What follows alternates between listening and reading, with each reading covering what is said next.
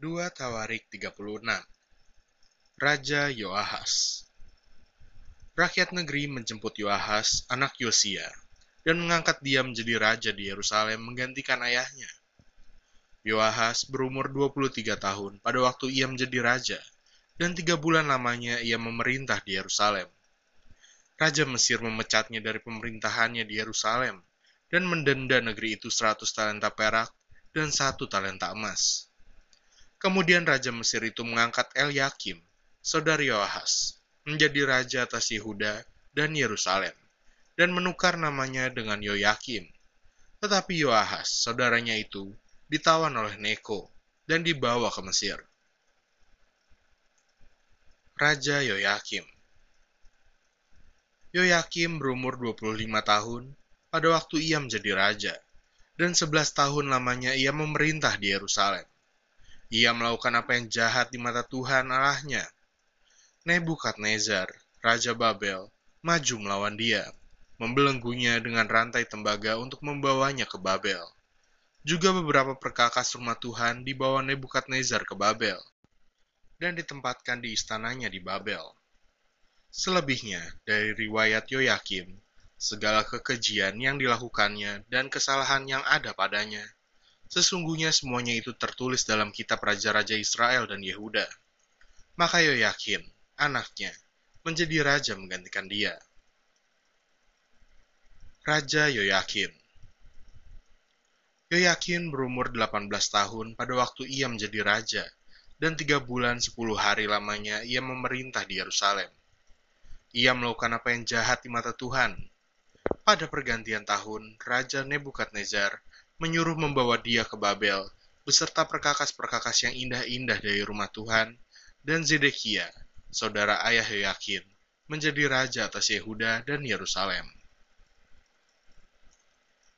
Raja Zedekia Runtuhnya Kerajaan Yehuda Zedekia berumur 21 tahun pada waktu ia menjadi raja, dan 11 tahun lamanya ia memerintah di Yerusalem ia melakukan apa yang jahat di mata Tuhan Allahnya, dan tidak merendahkan diri di hadapan Nabi Yeremia yang datang membawa pesan Tuhan. Lagi pula ia memberontak terhadap Raja Nebukadnezar yang telah menyuruhnya bersumpah demi Allah. Ia menegarkan tekuknya dan mengeraskan hatinya dan tidak berbalik kepada Tuhan Allah Israel. Juga semua pemimpin di antara para imam dan rakyat berkali-kali berubah setia dengan mengikuti segala kekejian bangsa-bangsa lain.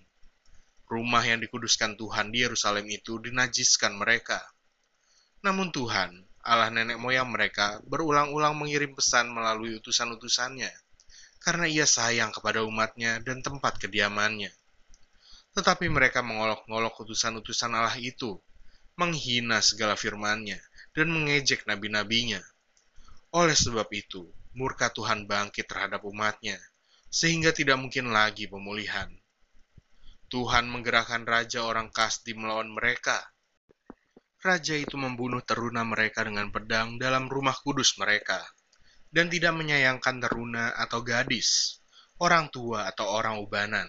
Semua diserahkan Tuhan ke dalam tangannya seluruh perkakas rumah Allah yang besar dan yang kecil, serta harta benda dari rumah Tuhan, harta benda raja, dan harta benda para panglimanya, semuanya dibawanya ke Babel. Mereka membakar rumah Allah, merobohkan tembok Yerusalem, dan membakar segala puri dalam kota itu dengan api, sehingga musnahlah segala perabotannya yang indah-indah.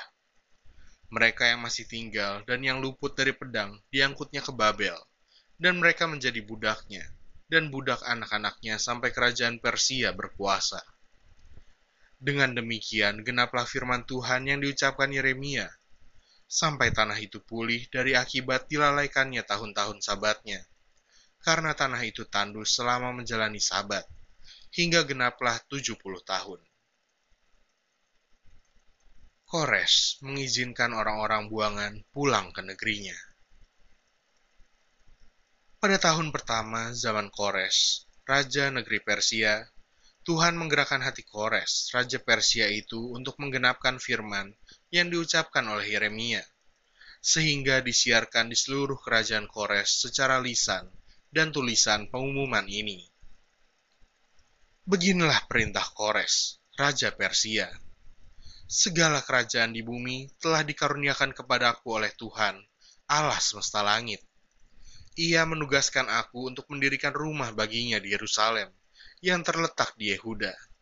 Siapa di antara kamu termasuk umatnya, Tuhan Allahnya menyertainya, dan biarlah ia berangkat pulang.